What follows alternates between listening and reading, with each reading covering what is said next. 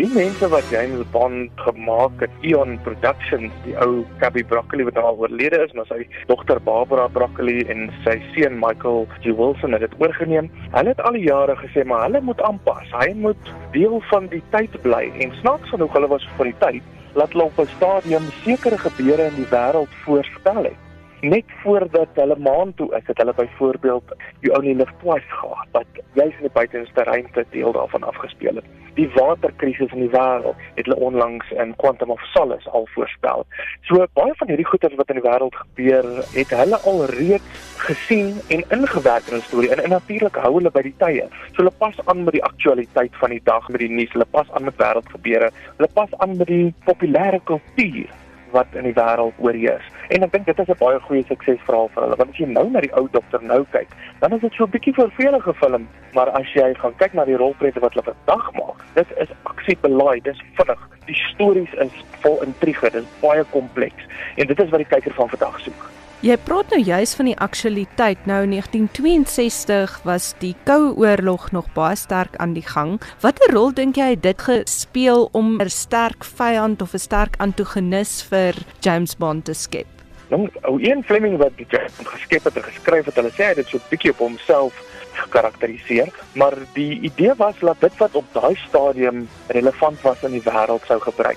So die Koue Oorlog, die Russe teen die Anglo-Saxons, dan Anglo-Saxons in die meer was altyd die groot kompetisie teen mekaar gewees. En ons sien net langs dat daar regtig terroriste en privaat mense uitkom wat regtig as die skurk kan optree.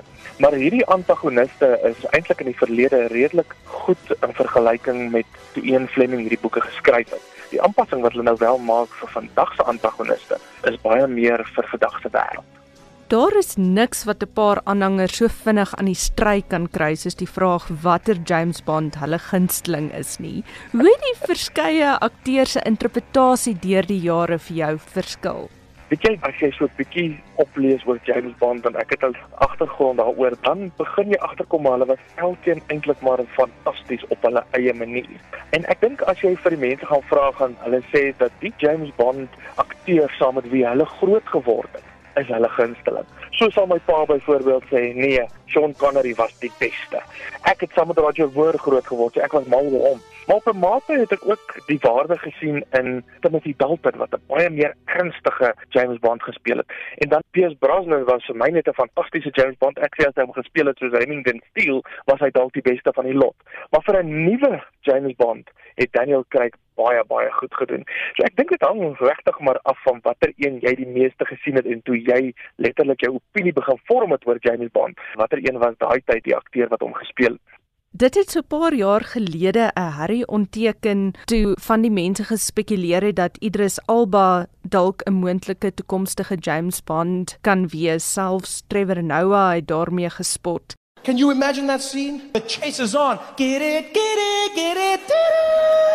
Ding ding ding ding ding ding ding ding ding ding ding ding ding Idris Elba, James Bond, jumps off the bike, runs into a crowded town square. The bad guys are right behind him. He manages to shake them off, pops into a little alley, gets out on the other side, finds a crowded little marketplace, puts a scarf around his head, a fake beard, blends in with a group of monks walking by. The bad guys turn the corner.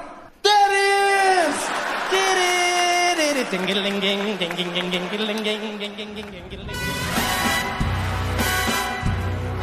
En nou het Piers Brosnan op sosiale media gesê die tyd is reg vir 'n vrou om James Bond se skoene vol te staan. Wat dink jy daarvan?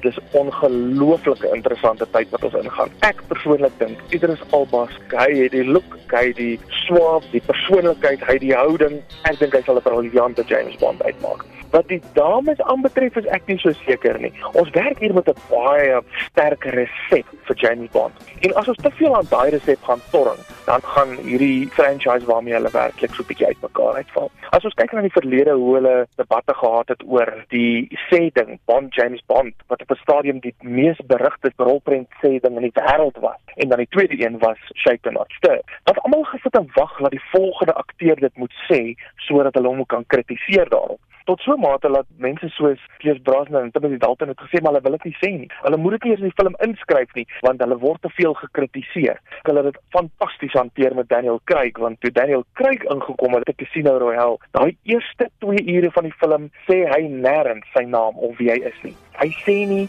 shake and not stir nie. Op 'n stadium sê die kroegman vir hom, "So what would you like to drink?" En omdat dit 'n prequel is, die ontstaan van James Bond, dink hy vinnig op sy voete en hy dink daar hierdie verskriklike oulike drankie van hom uit. En toe die kroegman vir hom sê, "Would that be shaken or stirred?" Toe kyk Daniel kyk ons en hy sê, "Does it seem as if I give a damn?"